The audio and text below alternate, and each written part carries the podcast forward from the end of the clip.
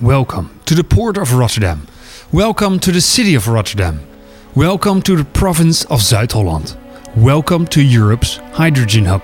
Rotterdam uh, is close to the sea, so we have uh, good landing positions from uh, the wind at sea uh, that produces electricity needed to uh, produce hydrogen.